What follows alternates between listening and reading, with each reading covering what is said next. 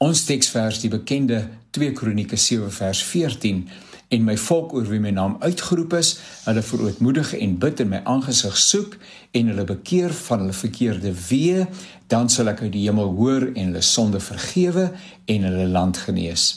En ons gesels gereeld met meningsvormers in radioprogramme en uh, my fokus is gebeure en verwikkelinge in Suid-Afrika en hoe Christene daarvan kan kennis neem en proaktief kan deelneem aan die verandering hier op eie bodem.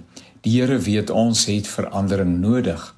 En nou in gesprekke met meningsvormers word die multifasettigheid, ek wonder of daar so 'n woord is, ek vorm hom sommer nou self, die multidimensionaliteit, nê, van ons konteks onderstreep. Dis nie 'n enkele rolspeler wat totale verantwoordelikheid moet neem vir die toedrag van sake wat tans heers nie. Al dink ons so. Ons redeneer mos as die regering net wil bykom of Eskom net weer wil voldoen aan sy mandaat, dan sal dit beter gaan. Maar feit van die saak is dat elke samelewingsverband in 'n krisis verkeer en skouer aan die wiel sal moet sit, verantwoordelikheid moet neem dat verandering in eie kring plaasvind. Suid-Afrika het 'n ernstige moraliteitsprobleem. Die misdaadsyfers wat onlangs bekend gemaak is, demonstreer die feit grafies.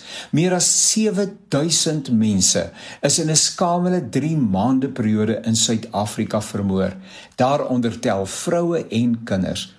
Watter tipe mense dink nie twee keer daaraan om iemand anders se lewe te neem nie? En ons wys vingers, maar misdaad en geweld kom in alle sektore van die samelewing voor, ryk en arm, vernaam of gewoon.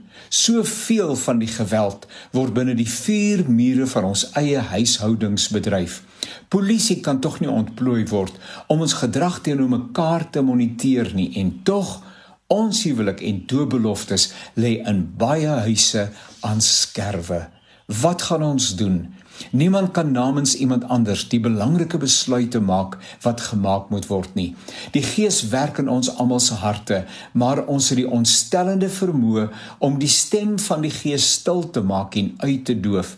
Nie nou nie is 'n gunsteling verskoning.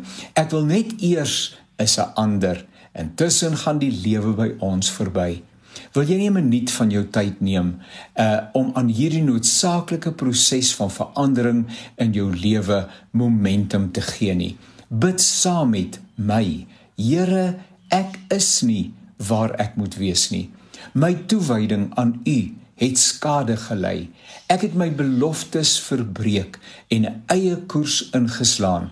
Vergewe my.